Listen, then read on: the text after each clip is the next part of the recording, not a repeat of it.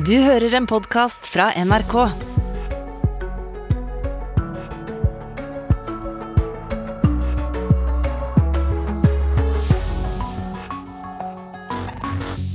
God torsdag morgen. Det er ferietid for mange, men eh, ikke for eh, nyhetene. I Ukraina etterforsker myndighetene mer enn 21 000 mistenkte krigsforbrytelser. Det stormer rundt britenes statsminister Boris Johnson. Spørsmålet er hvor lenge han kan bli sittende.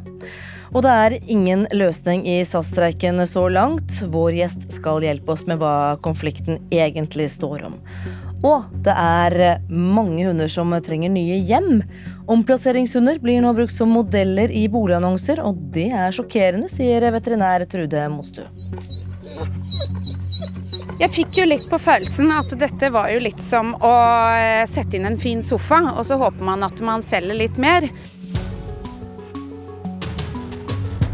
Ja, og så er fotball-EM i gang, og det går oss langt fra hus forbi.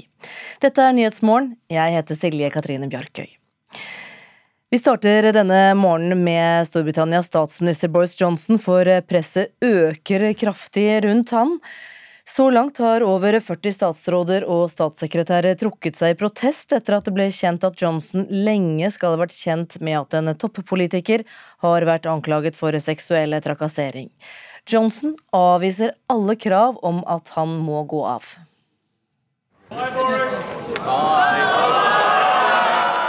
Til tross for et tydelig farvel fra parlamentet i går, klamrer Storbritannias statsminister Boris Johnson seg fast til makten.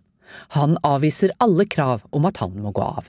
Does the Prime Minister think there are any circumstances in which he should resign?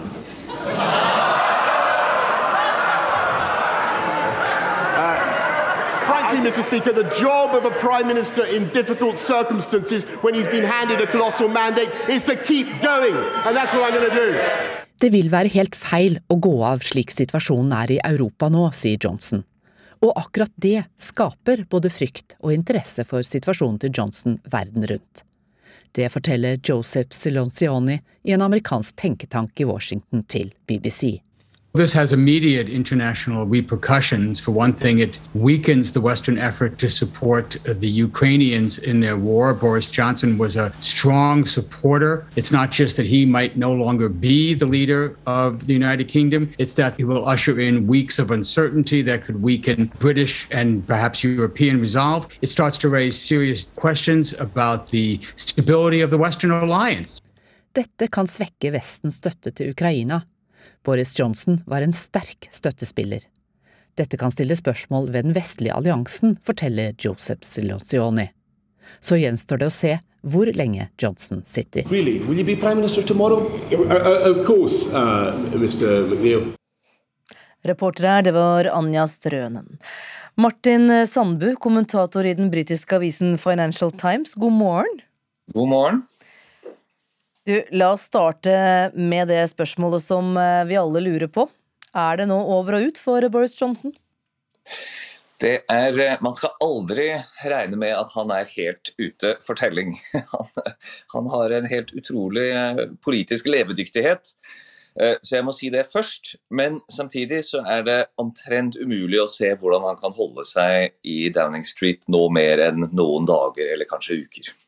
Ja, for det, eh, det, er som du sier, han har åpenbart eh, mange politiske liv. Eh, det har vært utallige skandaler rundt Boris Johnson, Partygate blant annet. Denne skandalen, kan du minne oss, hva var det som utløste dette jordskredet av oppsigelser rundt han? Jo, det som skjedde var at en, Et medlem av regjeringen, altså en som hadde en innpiskerrolle, Chris Pincher, medlem av, av parlamentet og innpisker for de konservative, det ble da avslørt at han hadde en kveld for en ukes tid siden eh, hatt litt for mye å drikke og vært eh, litt for langt ute med hendene på flere yngre menn på denne klubben. Han sa da opp innfiskervervet, men det skulle være slutten på den historien, ifølge Downing Street. Det som gjorde ting vanskelig for Boris Johnson, var at det viste seg at uh, i, strid med det han selv sa, eller det Downing Streets presseoperasjon sa, så hadde han allerede visst at det var flere historier om denne Mr. Pincher tidligere, som han hadde visst om da han hadde forfremmet ham til et innfiskerverve tidligere. I seg selv er det en mindre skandale. Det har vært større skandaler før.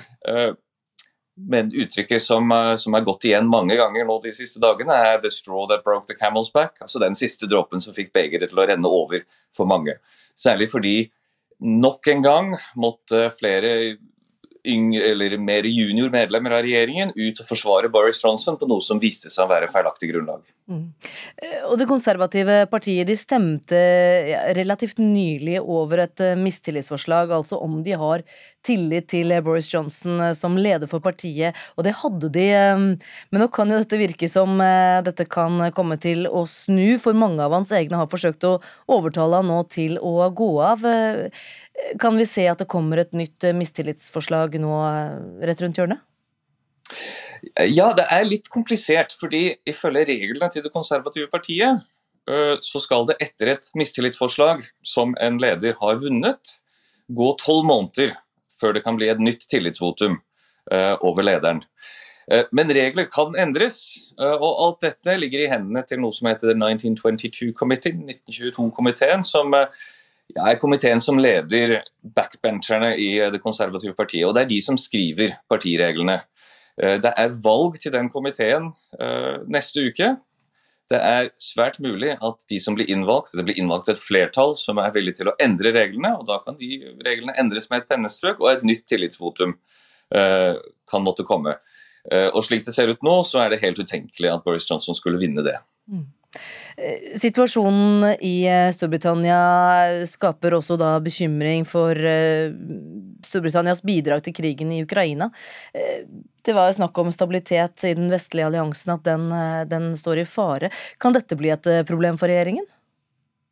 Altså, jeg, jeg, tror På sikt så kan det bli litt usikkerhet der, for Boris Johnson har personlig vært veldig engasjert i, i Ukraina. Og Det skal jo sies at det er en, det er en, en, eh, litt sånn omveltning for Boris Johnson. for han, han var egentlig ganske russiskvennlig uh, som utenriksminister og frem til krigen i Ukraina. Uh, men nå har han altså liksom satt alt inn på uh, denne krigslederrollen. Mye av grunnen til det er nok innenrikspolitikk, at det, det, gjør ham godt å skulle være, fremstå som en leder av den vestlige alliansen. Men generelt i Storbritannia er det ganske stor støtte for den linjen, og spesielt i eh, det konservative partiet. Eh, så jeg tror at mange av de eh, mest sannsynlige nye lederne ville nok holde ved den linjen i hvert fall en stund. Men kanskje det ikke blir helt den samme veldig sterke støtten for å bevæpne Ukraina som vi har sett under Johnson. Martin Sandbu, kommentator i den britiske avisen Financial Times. Takk for at du var med oss i Nyhetsmorgen. Takk. SAS-streiken er eh, inne i sin fjerde dag. Så langt så ser det ikke ut til å være noen løsning eh, i eh, sikte. Kommentator i Dagsavisen Kjell Werner, velkommen til Nyhetsmorgen. Takk, takk. Kan du hjelpe oss med å gå rett inn i kjernen i konflikten? Kjernen i konflikten er eh, dannelsen av de to datterselskapene som SAS har gjort, og det har vi hørt mye om de siste dagene. Eh, dette er fagforeningsknusing, i hvert fall en moderne form for det. Hvor ledelsen da eh, setter fagforeningene opp mot hverandre ved å bruke disse datterselskapene. Og Det veldig spesielle er at man her også ber om lange avtaler. SAS-ledelsen ønsker seg avtaler åtte-ti år fram i tid. Eh, pilotene så vidt jeg skjønner, har godtatt eh, å gå inn på seksårsavtaler. Og dette er jo helt eh, spesielt for den nordiske og den norske modellen. Det vanlige er å ha en tariffavtale som varer i to år. Og når du snakker om åtte-ti år, så blir det helt hinsides og ødelegger muligheten til å bruke makt bak eh, kravene for å altså, Hvis vi bare tenker åtte-ti år tilbake i tid, hvordan så, ja. Hvordan så si, flymarkedet ut da, og, og økonomien osv.? Ja, for da er vi i 2012-2014. Ja, riktig. Og, og, og, det er jo sånn vi egentlig må, må, må tenke her. Derfor så er det et helt ublukt krav, så vidt jeg mener. Men hvorfor vil de ha så lange Nei, avtaler? Det er for å sikre seg eh, handlingsrom. Eh, den nye sjefen, relativt ferske sjefen, han har jo gått ut og og, og snakka stygt om, om, om, det å streike. Og, og streik er jo en, et lovlig virkemiddel. Her har da pilotene både LO og YS i, i, ryggen, og de har også det norske folk i ryggen, viste da en meningsmåling som TV 2 offentliggjorde i går kveld, hvor 48% av de spurte sier at de støtter de streikende, mens bare 32% sier nei. Men så er det jo andre piloter i andre selskaper. Norwegian f.eks. De har en lignende avtale av det som eh, pilotene i SAS var villige til å gå med på. Eh, hva er det som, som er forskjellen på disse to eh, konfliktene? Eh, altså Norwegian, der har de en avtale som da er mer fleksibel enn en, en den de har i dag i SAS. Eh, så her har jo da SAS-pilotene beveget seg et, et, stykke. Men selv den avtalen, eh, altså i hvert fall hvis man prøver seg på en lignende konstruksjon i SAS, så vil ikke ledelsen i SAS heller ha den. De vil, de vil ha eh, et enda mer fleksibelt opplegg, og, det sier jo veldig mye. Norwegian har klart, ser ut til å klare å komme seg på beina. Eh, og Hvis man klarer seg med en sånn løsning der, så burde SAS også kunne klare seg med en lignende løsning hos seg. Men så er jo stemningen mellom de to partene, da, eh, arbeidsgiversiden og, og eh, fagforeningssiden for SAS-pilotene, relativt anstrengt? Den er anstrengt, og her bruker man harde ord fra, på hver sin side. Eh, og I en sånn konflikt så er det også vanskelig å vite egentlig hva som er, er kjernen. Fordi eh, man, man, bruker de argumentene som passer seg eh, når man er i, i, i konflikt. Men her har man jo da forhandlet og meklet på overtid i fem dager. Så hvorfor man da ikke skulle klare å komme inn på, på slutten. Eh, og Det er her det har dette med de lange tariffavtalene, som jeg tror har tukla det til ekstra i, i, sluttfasen. Ja, for Hva betyr det hvis man går vekk fra den modellen som vi er kjent med, med, med, med kortere avtaler? Altså, I Norge er vi jo vant med at vi har en tariffavtale som, som varer i fire år. Eh, og Da kan du streike, og også streike på, på teksten i avtalen, for å si det sånn. Uh, og, og, Det er jo denne teksten som da vil binde pilotene da i åtte-ti år framover. Og, og, det er helt hinsides uh, den norske modellen. og, Helt ødeleggende for, uh, for, hvordan vi er vant til å ha arbeidslivet her i, i Norden og Skandinavia. Kommentator i Dagsavisen Kjell Werner, takk for at du kom til Nyhetsmorgen. Klokka er blitt eh, kvart over sju. Det er Nyhetsmorgen du hører på i eh, NRK. Vi har eh, flere saker denne morgenen. Bl.a. etterforsker ukrainske myndigheter mer enn 21 000 mistenkte krigsforbrytelser. Omplasseringshunder blir brukt som modeller i boligannonser. Det er sjokkerende, sier veterinær Trude Mostu. Og kvinnelandslaget i fotball spiller Norges første kamp i EM. Laget har selvfølgelig medalje som mål. Ja, ukrainske myndigheter etterforsker mer enn 21 000 mistenkte krigsforbrytelser siden krigen startet i februar. Det sier landets riksadvokat til BBC. Hun konstaterer samtidig at forbrytelsene er vanskelig å etterforske, fordi det er vrient å nå fram til både områder og til mennesker i landet nå. Korrespondent Joakim Reigstad, du er i Kyiv. Fortell, hvordan blir disse mulige krigsforbrytelsene etterforsket? Ja, det er jo slik at man uh, gjør dette på bakgrunn av funn som blir gjort stadig, i, uh, spesielt i områdene rundt uh, Kyiv her, hvor man da oppdager mennesker som er døde. Typiske tegn på det man vil mistenke som krigsforbrytelser, er jo hvis man finner døde mennesker som bærer tegn av å være direkte henrettet, sivile spesielt, selvfølgelig. F.eks. at man er bakbundet, skutt i hodet osv. Og, så videre. og det er jo det man da etterforsker. men så er det klart at det er vanskelig å komme i mål. Det er, veldig, eh, det er jo ingen eh, mulighet i utgangspunktet for å, for å, straffe noen her, fordi at eh, de russiske soldatene som eventuelt skal ha begått disse handlingene, de er jo høyst sannsynligvis ikke i Ukraina lenger. Slik at det er vanskelig, men for Ukraina er det viktig også å vise omfanget av det de da hevder er krigsforbrytelser. Og så hører vi nå at kampene fortsetter i Donbass, og at eh, Donetsk eh, nå kan vente seg kraftige angrep. Ehm, har Ukraina noen mulighet til å slå tilbake en russisk offensiv i Donetsk?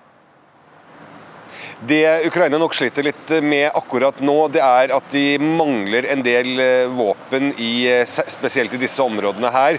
Og Det tar litt tid å få transportert dette her. De venter også på flere våpenleveranser fra Vesten. Eh, slik at nå er nok, kan man kanskje si, en ukrainsk hær som har vært sterk og sterkt utrustet med våpenmateriell. De er noe svekket, og derfor har de nok også noe vanskeligheter med å Eh, kunne klare å slå tilbake i denne fasen. Så for ukrainske militære så er det nå nok en innstendig bønn om å få våpen til mm, spesielt til fronten i, eh, i Donbass. Mm. Etter at Russland erobret byen Luansk i øst i Ukraina, altså, så, så, er det mye som tyder på at det er Donetsk som blir den neste slagmarken i Ukraina. Hva, hva er det som skjer dersom Donetsk faller? Ja, Det er to scenarioer som militæranalytikere peker på. Det ene scenarioet er at eh, dette vil bety at russerne vil eh, innkassere en seier. De vil forsøke å eh, få Donbas-regionen til å bli eh, russisk, eller en russisk autonom republikk. Eh, og så vil ikke ukrainerne naturlig nok gå med på det, og dermed vil man kunne se for seg en stillingskrig der i, i lang tid. Det er det ene scenarioet. Det andre scenarioet er at Russland med dette her får på mange måter blod på tann og mener mener at de er på offensiven og vil gå videre. Spesielt er det da sør man ser på, men også hovedstaden Kyiv er det mange som er bekymret for ikke er ferdig med angrepene, for å si det slik. At det kan komme nye angrep også mot hovedstaden dersom russerne nå mener at de har et overtak i sør. At de da vil prøve på nytt å erobre, erobre Kiev. Men det er eh, selvfølgelig mange usikkerhetsmomenter her, og det er heller ikke gitt at russerne kommer til å få overtaket i Donbas, men at det kommer til å bli harde kamper i Donetsk nå den neste tiden, det hevdes eh, nesten eh, over enhver tvil. Og så til slutt, Joakim.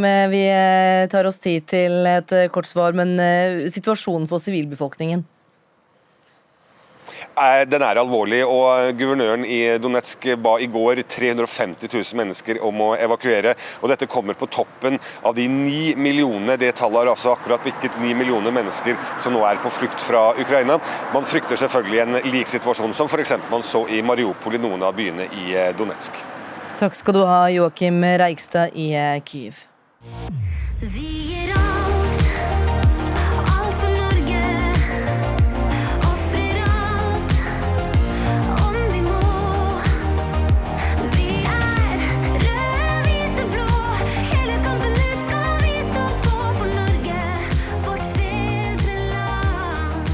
Ja, det er eh, fotball-EM for kvinner som er eh, tema nå. EM startet i går. Vertsnasjonen England slo Østerrike 1-0 foran 70 000 tilskuere på Storbritannias største klubbstadion Old Trafford i Manchester. I dag er det klart for Norges første kamp, og Nord-Irland står på den andre banehalvdelen. Landslagets målsetting for mesterskapet er å ta medalje, og i EM blir det altså ikke spilt bronsefinale. Medaljen er sikra dersom laget når semifinalen. Norges store stjerne Ada Hegerberg vet at veien dit kommer til å bli krevende. Det er ganske mye som skal klaffe for å nå det. Jeg tenker at Alt handler om forberedelse, å være godt forberedt. Uh, som jeg nevnte tidligere at du er nødt til å ha litt flaks i turneringa. Og jeg tror at uh, du kan ha litt flaks hvis du er godt forberedt, men uh, nå er det satt, og så snakker vi ikke noe mer om det nå, for vi har ikke kommet oss i gang engang. Eh, første kamp er mot Nord-Irland, det er den som betyr noe. Og det er det som er, må være fokuset vårt. NRKs fotballekspert Carl Erik Torp liker at laget har satt et høyt mål, men mener fortsatt at det vil være overraskende om Norge klarer å bli blant de fire beste. Når man snakker om at man skal ta seg helt til en, eh, en semifinale, det må man gjøre. da. Det, det, det, kan jo skje, for da har man en medalje. men eh, men kvartfinale er veldig oppnåelig, føler jeg. Ehm, og så får vi veldig tøff motstand i den kampen. Så det er jo da det én kamp det står på. Så det, er, det blir tøft. Ehm, men uoppnåelig er det jo ikke. Altså det å sette seg høye mål, det tenker jeg er fint. Men ehm, jeg blir veldig overrasket hvis Norge tar seg helt til en semi. Det hadde vært en veldig gledelig stor overraskelse. Ada Hegerbergs comeback for Norge har utvilsomt løftet laget. Det gjør også at motstanderne har fått større respekt. Det sier landslagssjef Martin Sjøgren. Det är klart att en spelare som, eh, som Ada med den, eh, liksom, med den statusen hon har ute i fotbollsvärlden så är det klart att motståndarna eh, har väldigt, väldigt stor respekt for henne. Vilket också blir då för oss.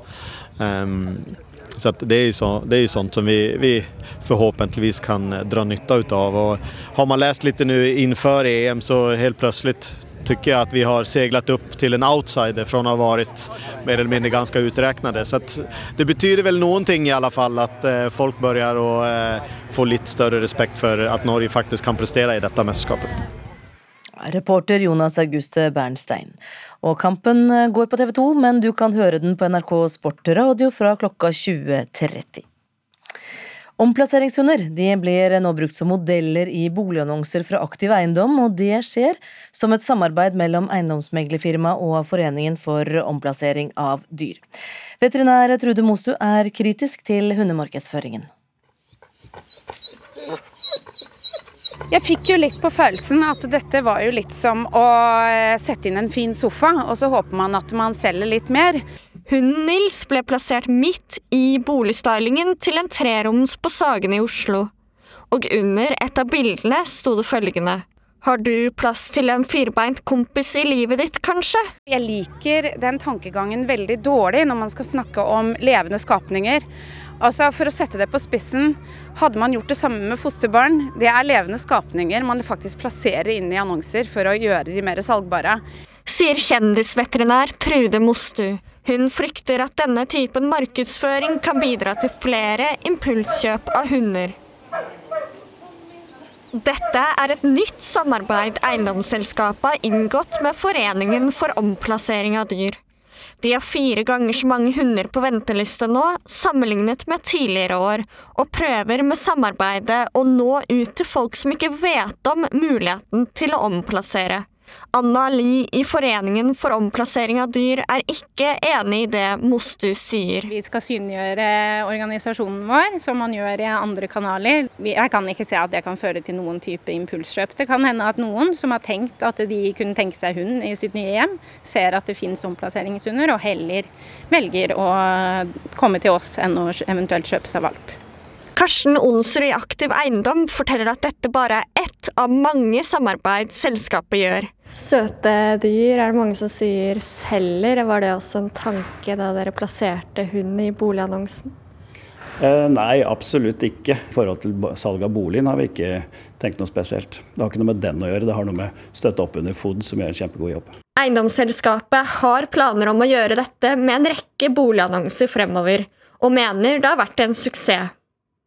Annonsen med modellhunden Nils ble sett av ti ganger så mange folk enn en vanlig boligannonse.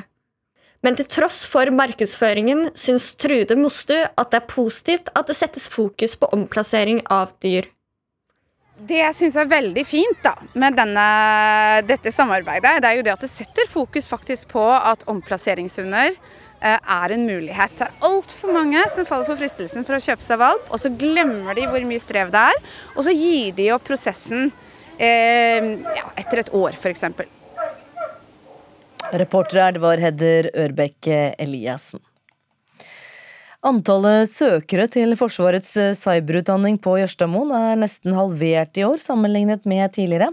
Forsvaret er bekymret. Det er nemlig cybersoldatene som skal forhindre alvorlige dataangrep. Dere må grave fortere enn dette! Få bort sandsekkene til stillingen og bygg, da vel! 19 år gamle Henriette Norgård fra Gjøvik sitter i en sandhaug på Sessvollmoen og prøver å fylle sandsekker. Hun må tåle kjeftskurene fra instruktørene, som ikke synes det går fort nok når laget hennes skal lage en stilling soldatene kan skjule seg bak. For hun vil nemlig veldig gjerne komme inn på cyberlinja til Forsvaret på Jørstadmoen i Lillehammer. Jeg kan egentlig ikke så veldig mye om eh, data og IT, men jeg er veldig glad i å lære meg nye ting. Øvelsen med sandsekkene er bare én av flere ting de 700 kandidatene til de forskjellige utdanningene til Forsvaret må igjennom. Men av dem er det bare 178 som har søkt seg til den treårige ingeniørutdanninga på Lillehammer. Det er nesten halvparten av antallet søkere utdanninga hadde for noen år siden. Vi konkurrerer med eh, andre tilsvarende sivile utdanninger på andre universiteter og høyskoler. Så tror vi at ikke vi har fått truffet helt godt på rekrutteringa i pandemien. Sier sjef for Forsvarets ingeniørskole Dag Kjønø. Enda verre stilt er skolesjefen for Cyberforsvarets spesialistskole, Kjetil Røstad. Han har 40 skoleplasser til den ettårige teknikerlinja, men bare 29 kandidater igjen under seleksjonen på Sessvollmoen. Forsvaret har et stort behov for cyberteknikere, og nå er vi i den situasjonen at vi ikke klarer å levere nok til Forsvaret. Ingen av dem vet helt sikkert hvorfor de har så få å velge mellom i år. Nå begynner folk å se lysere tider igjen, så kanskje at eh, fordi Forsvaret er jo veldig sikkert. Veldig sikker arbeidsplass, så derfor det, har nok det vært attraktivt under korona. Sier 21 år gamle Amund Pelssolen fra Hamar, som også er av dem som er på Sessvollmoen fordi en veldig gjerne vil ta ingeniørutdanninga si i Forsvaret. At så få gjør som han, bekymrer Forsvaret. For det er dem som skal forhindre dataangrep. Det er viktig, og det blir bare viktigere og viktigere. Vi ser jo at uh, trusler kommer på ny, nye former. Uh, og Cyberforsvar, space osv. er nye områder som det er viktig at vi er godt rusta for å håndtere. Sier forsvarsminister Bjørn Arild Gram, som er bekymra for rekrutteringa. Det er jo sånn at det er stor etterspørsel etter denne type kompetanse i hele samfunnet. og Det er jo en utfordring i ulike funksjoner. Det er selvfølgelig viktig at Forsvaret er, er attraktiv. Nå kan jo dette være mer en naturlig svingning, men stor oppmerksomhet rundt det og vurdere tiltak hvis vi ser at rekrutteringa ikke tar seg opp. Ja, Før klokka tolv i dag så får ungdommene som har søkt, beskjed om de får plass ved cyberingeniørstudiet på Jørstadmoen eller ikke. Klokka er straks 7.30. Det betyr at vi slipper til Dagsnytt og Anders Borgen Werring her i Nyhetsmorgen. Du hører en podkast fra NRK.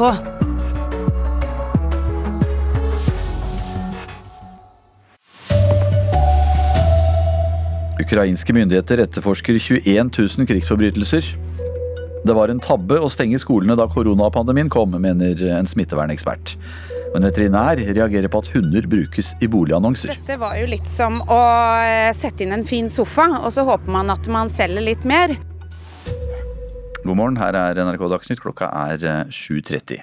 Vi starter i Ukraina. Landets statsadvokat sier altså til BBC at de etterforsker mer enn 21 000 mistenkte krigsforbrytelser siden invasjonen i februar.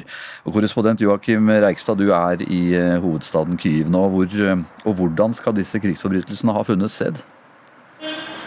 Ja, Det er jo spesielt i områdene rundt hovedstaden Kyiv at man har oppdaget mange av det som ukrainerne hevder er eh, krigsforbrytelser. Det er funn av døde mennesker, sivilbefolkning, bakbundet, skutt i hodet f.eks. Typiske tegn som ukrainerne da vil eh, etterforske for å se om dette her kan være krigsforbrytelser. Men det er, som statsadvokaten sier, vanskelig å etterforske. Mye av dette har skjedd for en tid tilbake. Og gjerningspersonene, altså hvis det da er russiske soldater som står bak, de er ikke lenger i landet. De er ikke mulig å få tak i. Men for Ukraina er det samtidig viktig å understreke omfanget av disse mulige krigsforbrytelsene. Ja, samtidig så hører vi at kampene fortsetter i Donbass øst i Ukraina, og at Donetsk nå kan vente seg kraftige angrep. Har Ukraina noen mulighet til å slå tilbake en russisk offensiv i Donetsk? Ja, Det er jo det store spørsmålet, for Ukraina har brukt veldig mye våpen og mannskaper på å kjempe nettopp i Donbas-regionen de siste elleve ukene spesielt. Og, og den ukrainske hæren ber jo nå om mer militær hjelp. De trenger mer våpen for å kunne klare å slå tilbake. Det er klart at det er eh, alvorlig dersom russerne får kontroll over hele eh, Donetsk fylke også nå, i tillegg til Luhansk. Slik at eh, her er det interessant å se hvordan dette her kommer til å utvikle seg videre, men i hvert fall fra ukrainsk side så er det nå en innstendig bønn om flere leveranser med våpen. De trenger rett og slett nye krefter for å kunne klare å slå tilbake her. Takk skal du ha, korrespondent Joakim Reikstad, som altså er i den ukrainske hovedstaden Kyiv. Nedstengingen av skolene her hjemme 12.3.2020 var en tabbe. Det fastslår overlege ved Folkehelseinstituttet, FHI, og smittevernekspert Preben Aavitsland. Helsedirektoratet fastholder at det var helt nødvendig å stenge ned skolene da koronaen traff. Men Aavitsland sier at FHI hele tiden kjempet mot det inngripende tiltaket. Det å stenge skolene var jo en, en, en tabbe. Det var ikke nødvendig og skulle nok ikke ha vært gjort. Ingen av gangene. Det ble jo Hvor mange smittebølger er det vi har vært igjennom nå? Fem? Ja, jeg har vært gjennom flere bølger, og, og det har hele tida vært en, en kamp, iallfall fra vår side, for å eh, bevare skolene åpne. Eh, mot eh, ulike krefter som har ønska å stenge skolene på, på, på nokså lavt bekymringsnivå. Preben Aavitsland er overlege ved Folkehelseinstituttet, og i dagens sommerkvarter på NRKs Nyhetsmorgen nøler han altså ikke med å rette direkte kritikk av Helsedirektoratet, som gikk inn for å stenge ned alle landets skoler som ett av flere smitteverntiltak som ble innført 12. mars 2020. Det var både eh, kommuner og, og, og enkelte kommuner og Helsedirektoratet var jo mer ivrige for å stenge skoler, da, som et, på en måte et hovedgrep. Assisterende helsedirektør i Helsedirektoratet, Espen Rostrup Nakstad, avviser kritikken blankt, og holder fast ved at det var nødvendig å stenge skolene for å redusere smittespredningen. Jeg tror de fleste er enige om at hvis målet var å få kontroll på pandemien og få begrenset smitten, raskt, så er nedstengning et effektivt tiltak. Rett og slett fordi det tar ned mobiliteten hos alle i samfunnet. Du kan høre hele sommerkvarteret med Preben Aavitsland på P2 og NRK1 klokka 7.45. Reportere her det var Lilla Sølhusvik og Eirik Ramberg. Presset øker kraftig på Storbritannias statsminister Boris Johnson. Så langt har over 40 statsråder og statssekretærer trukket seg i protest etter at det ble kjent at Johnson lenge skal ha vært kjent med at en toppolitiker har vært anklaget for seksuell trakassering. Johnson avviser alle krav om at han må gå av. Til tross for et tydelig farvel fra parlamentet i går, klamrer Storbritannias statsminister Boris Johnson seg fast til makten. Han avviser alle krav om at han må gå av. Does the Prime Minister think there are any circumstances in which he should resign?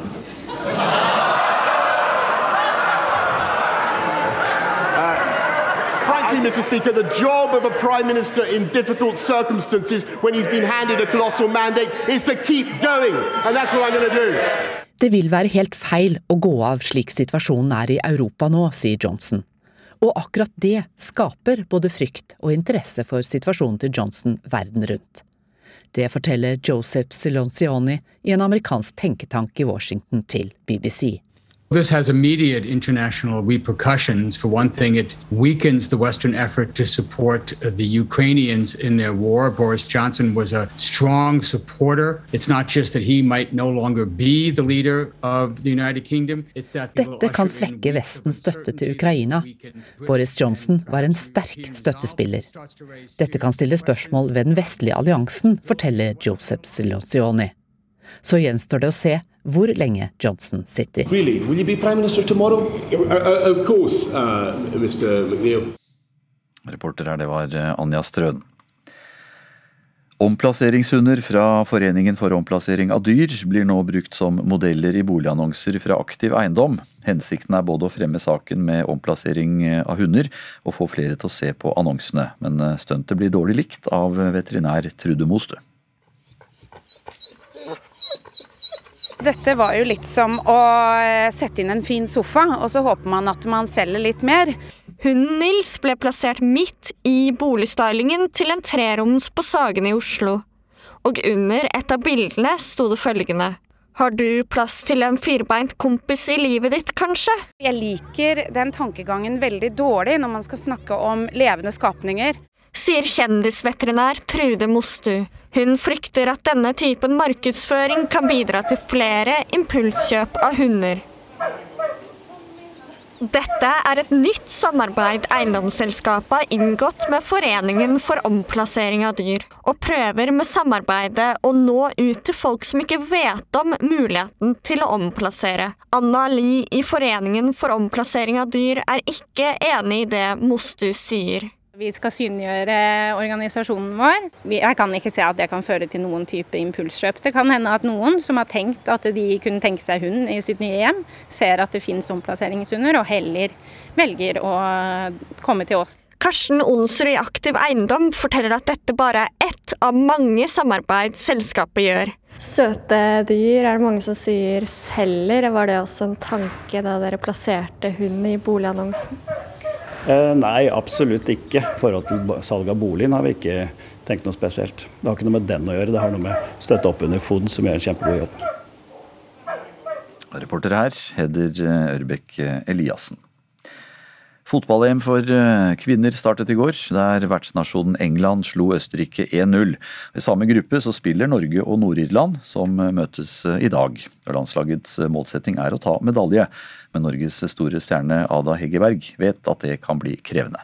Det er ganske mye som skal klaffe for å nå det. Jeg tenker at Alt handler om forberedelse, å være godt forberedt. Som jeg nevnte tidligere, at du er nødt til å ha litt flaks i turneringa. Og jeg tror at uh, du kan ha litt flaks hvis du er godt forberedt, men uh, nå er det satt. Og så snakker vi ikke noe mer om det nå, for vi har ikke kommet oss i gang engang. Uh, første kamp er mot Nord-Irland, det er den som betyr noe. Og det er det som er, må være fokuset vårt. NRKs fotballekspert Carl Erik Torp liker at laget har satt et høyt mål, men mener fortsatt at det vil være overraskende om Norge klarer å bli blant de fire beste. Det blir tøft, eh, men uoppnåelig er det jo ikke. Altså det å sette seg høye mål det tenker jeg er, fint, men eh, jeg blir veldig overrasket hvis Norge eh, tar seg helt en semi. Det hadde vært en veldig gledelig stor overraskelse. Ada Hegerbergs comeback for Norge har utvilsomt løftet laget. Det gjør også at motstanderne har fått større respekt. Det sier landslagssjef Martin Sjøgren. Med den statusen hun har ute i fotballverdenen, så er det klart at motstanderne eh, har veldig veldig stor respekt eh, for henne. Eh, hvilket også blir for oss. Um, så det er jo så, sånt som vi, vi forhåpentligvis kan dra nytte av. Reporter her, det var Jonas August Bernstein. Norges kamp mot Nord-Irland den går på TV 2, men du kan også høre den på radiokanalen NRK Sport fra klokka 20.30. Arild Svalbjørg har ansvaret for NRK Dagsnytt i dag. Jeg heter eh, Anders Borgen Werring.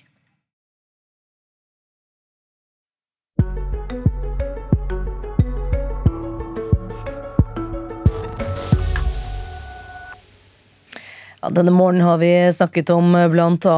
at eh, ukrainske myndigheter etterforsker mer enn 21 000 mistenkte krigsforbrytelser nå.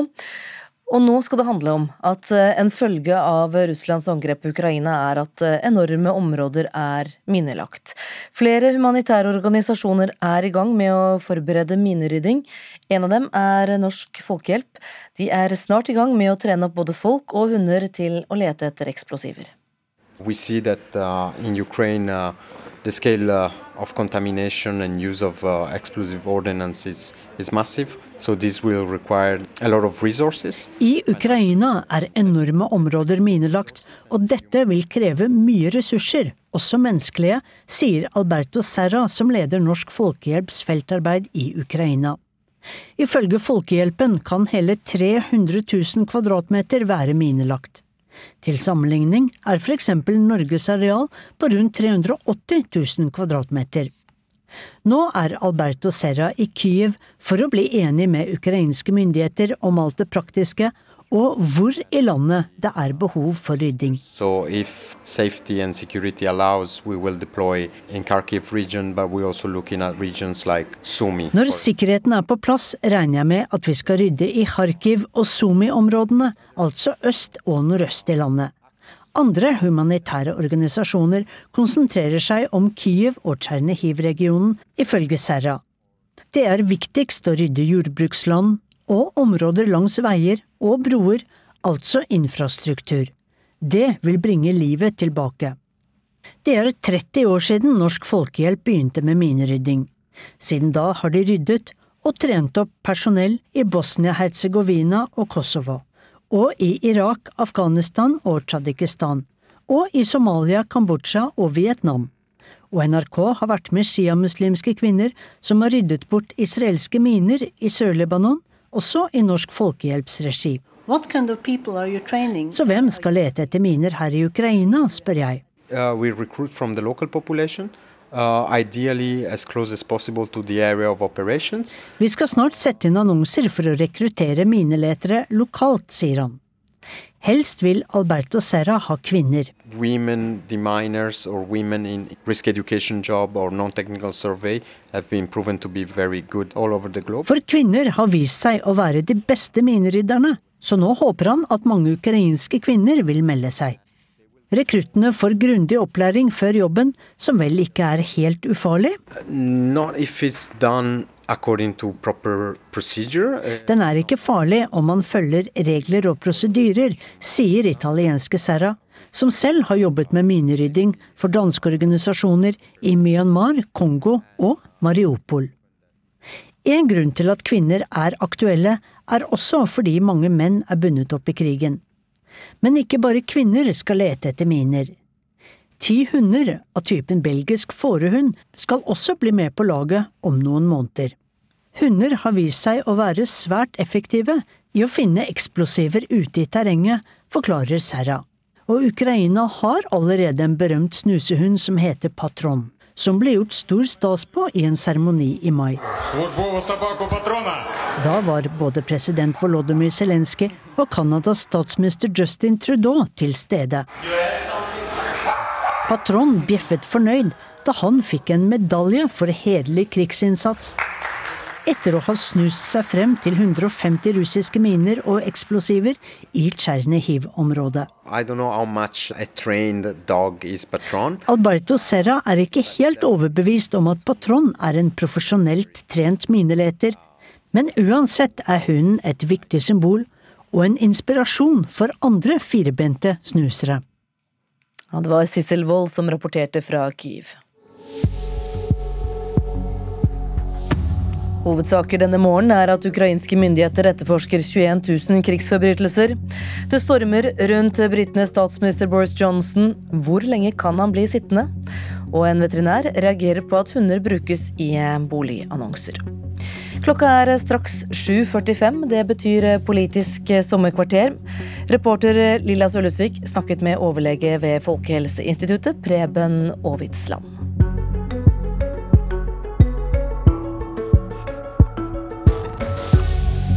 Det var den pandemien, sa han for et drøyt år siden. Nå er han ute igjen og sier vi skal forberede oss på enda en runde. Dagens sommergjest er Preben Aavitsland. Alder? 59. Stilling?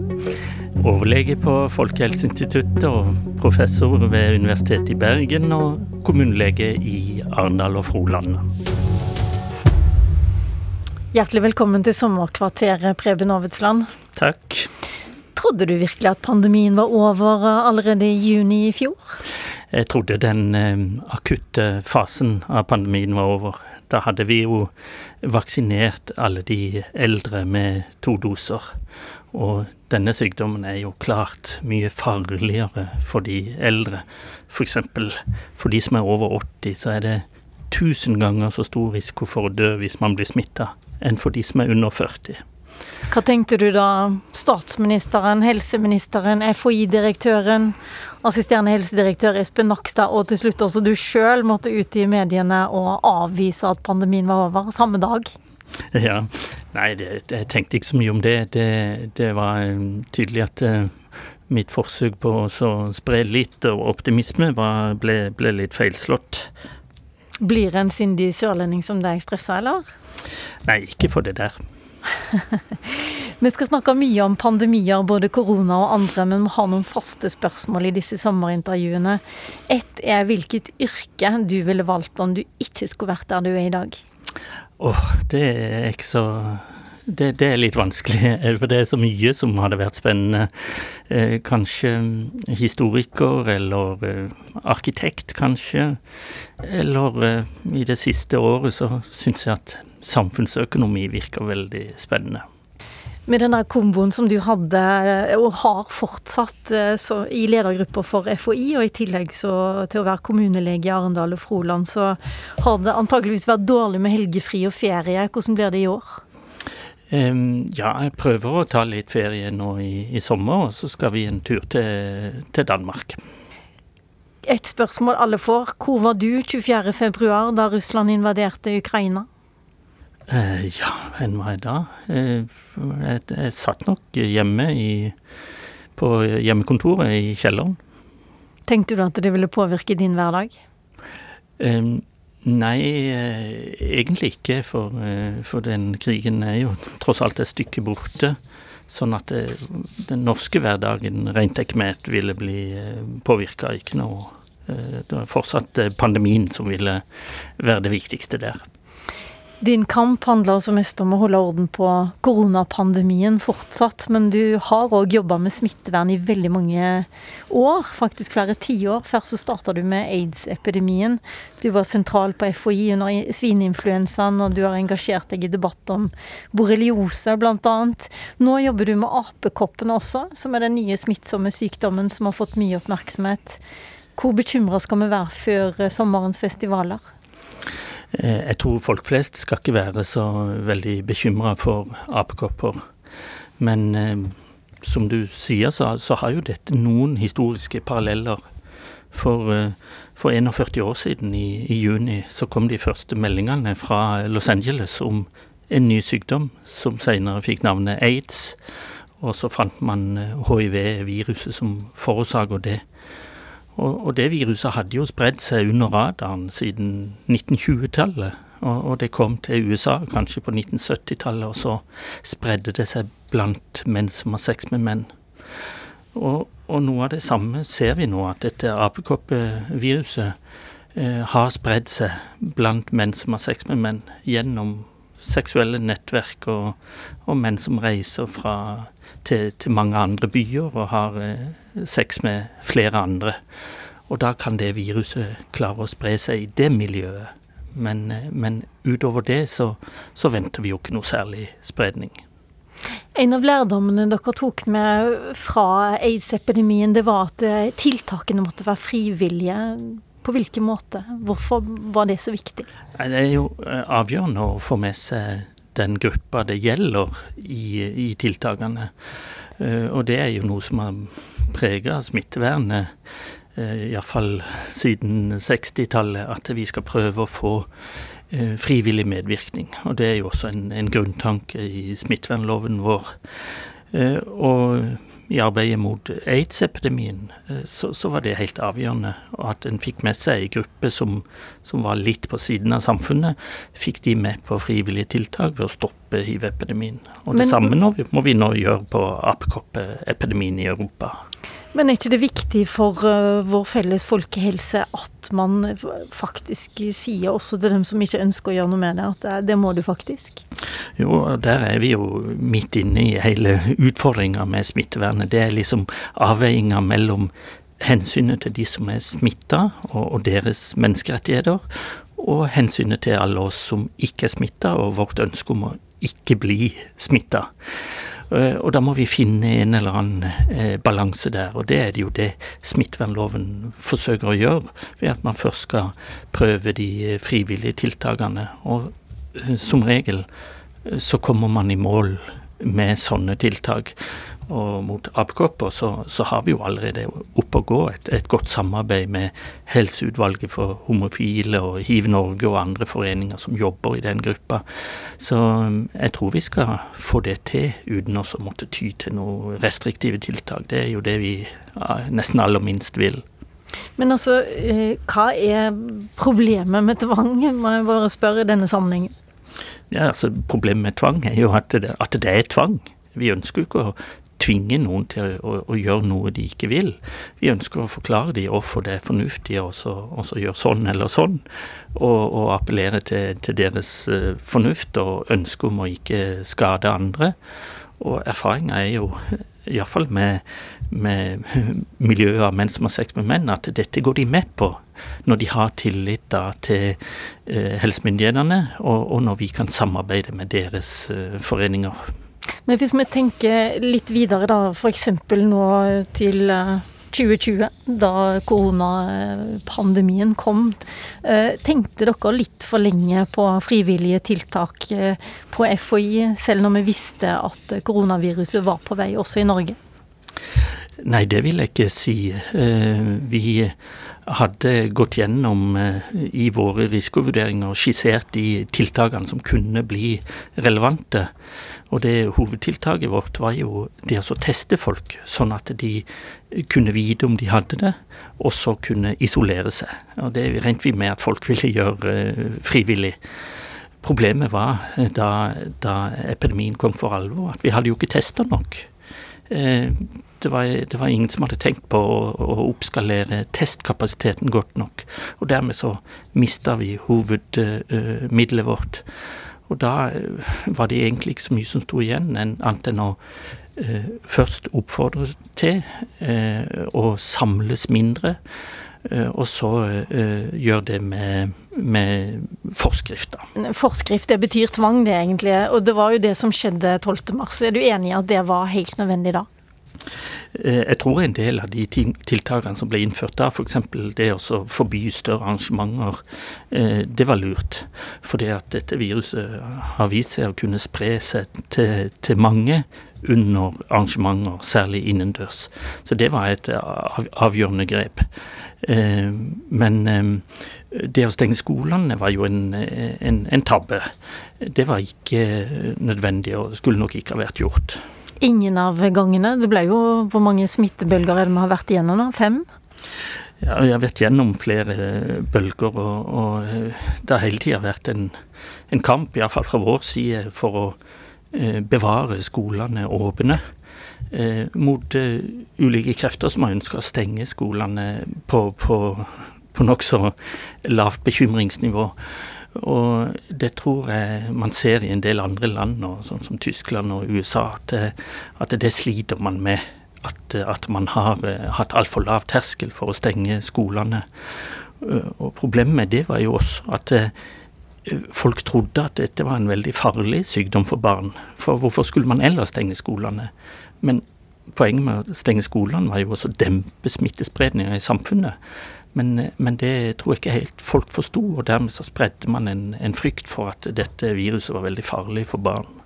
Men det var en kamp, sa du, for å unngå smitte, nei, for å unngå å stenge skolene. Men FHI gikk også med på å stenge skolene ved flere anledninger? Var det feil? Det var ikke mange anledninger der vi uh, var liksom enig i at uh, skolestenging var, var relevant. Vi, vi stort sett prøvde å stoppe det eh, overalt der vi fikk anledning, og, og argumenterte for at eh, det var på en måte en feil tilnærming. At de som hadde minst fare fra dette viruset, skulle være de som da på en måte skulle lide mest. Hvem eh, var det som ivra mest for å stenge, da? Det var både eh, kommuner og, og, og, enkelte kommuner, og Helsedirektoratet var jo mer ivrige for å stenge skoler, da, som et, eh, på en måte et hovedgrep. Hvorfor er du så klar på det med skolene nå? Vi hørte jo ikke det tidligere. Ja, vi, vi, har hele tida vært imot skolestenginger, men se nå eh, i ettertid, når folk eh, har fått inn denne frykten for at dette viruset er så veldig farlig for barn, så ser vi f.eks. i USA da, at eh, fortsatt så driver de med munnbind på to-treåringer. Og nå skal de vaksinere to-tre-fireåringer med en vaksine som det knapt finnes noe dokumentasjon for at det virker mot uh, noen ting som helst i den aldersgruppa. Og, og, det er jo en konsekvens av at folk er, er, er, blitt skremt med at dette viruset er, er farlig for barn. Men det er jo en helt misforståelse. Grunnen til at man hadde tiltak mot barn, var jo at de skulle dempe smittespredninga i samfunnet. Heldigvis så har vi unngått mesteparten av det der eh, her i landet. Men det er jo farlig for noen barn, da? Det er noen som har endt opp med long covid f.eks.? Det, det, er veldig få barn som er blitt eh, alvorlig syke, og, og, knapt noen som har dødd av dette viruset. Det, det er det viktigste. Så ser vi at eh, noen barn har eh, symptomer som varer litt lenge, men på sikt så, så, vil de bli friske, de aller fleste av de også. Du satt uh, veldig mye på gutterommet til sønnen din du, for å få best mulig eh, internettdekning, og jobba seint og tidlig. Hvor mye tid fikk du til å ta deg av innbyggerne i Arendal og Froland, all den tid du også var ute i all verdens medier og snakka om uh, pandemien der? Ja, så, så er det heldigvis sånn at vi, i Arendal og Froland er team av kommuneleger. Så jeg hadde gode kolleger som, som, som trådte til, da, sånn at vi kunne dele litt på oppgavene. Så, så det gikk eh, stort sett greit. Det var ikke så mye jeg var i lokalmediene. Pandemien var vel ikke verst på Sørlandet heller? Ja, vi hadde nå, vi hadde nå våre utfordringer, og de, i, i 2020 så, så, var jo en del av de utbruddene vi hadde, det var jo brakt dit av, av østlendinger som skulle på sommerferie, f.eks. Østlendingene får ofte skylda for det meste her, men kan du noen gang si at eh, det var den pandemien? Ja, jeg tror nok at, eh, at eh, på et tidspunkt så må vi jo på en måte gå over fra en, fra en sånn unntakstilstand som vi, vi har nå. Ikke, altså ikke ordentlig unntaks, unntakstilstand, men at vi har en sånn annerledes tilstand og, og, og si at nå, nå, har vi dette viruset her. Vi kommer til å bli smitta alle sammen én til to ganger i året kanskje, eller, eller kanskje sjeldnere. Og det vil være en, en trussel for de eldste og sykeste, sånn som influensa er. Eh, men ellers så, så, må vi bare leve med dette viruset uten noen særlig ekstra tiltak. Du har jobba med svineinfluensa, borrelia, eh, du har jobba med korona, du har jobba med aids og nå apekopper. Eh, hva er du mest bekymra for? Hva er den største faren du ser framover? Um, ja, hva er den største faren? Eh, det er nok eh, et virus som vi ikke har eh, oppdaga enda. Det som skjedde med korona, kan jo skje igjen med et annet virus. Og da er det ikke sikkert at vi er så heldige at viruset er tross alt såpass mildt som koronaviruset er. For, for unge folk så er jo ikke dette noe, noe, særlig farlig. Men la oss si vi får da et, et nytt virus som er farlig også for barn og og unge voksne og middelaldrende, da kan vi få et uh, problem. Det får vi snakke mer om når vi kommer dit. Nå er det sommer og ferie, og du skal i hvert fall til Danmark først, håper jeg, før det kommer nye farer inn? Ja, jeg håper det. At det blir litt, eh, litt eh, tid i båten og i vannet her på Sørlandet, og så en liten tur til Danmark. Tusen takk for at du var med i Sommerkvarteret, Preben Aavitsland. Mitt navn er Lilla Sørhusvik, og hør oss videre. Vi har en ny gjest i morgen. Du har hørt en podkast fra NRK. De nyeste episodene hører du først i appen NRK Radio. En podkast fra NRK. I sommer har vi mange podkaster og hørespill til barna. Det var en veldig høy lyd. Fantorangens lydmysterier. Det hørtes nesten ut som månen falt ned. Dilemmaklemma. Bare være med jenter, eller bare være med gutter? Ja, jeg velger begge deler. Labyrinthemmeligheter. Ikke si til Daidalos at du vet dette. Verdens ekleste podkast. La oss lage et skikkelig prompekor. En, to, Noe for alle i appen NRK Radio. NRK Radio. Vi hører sammen.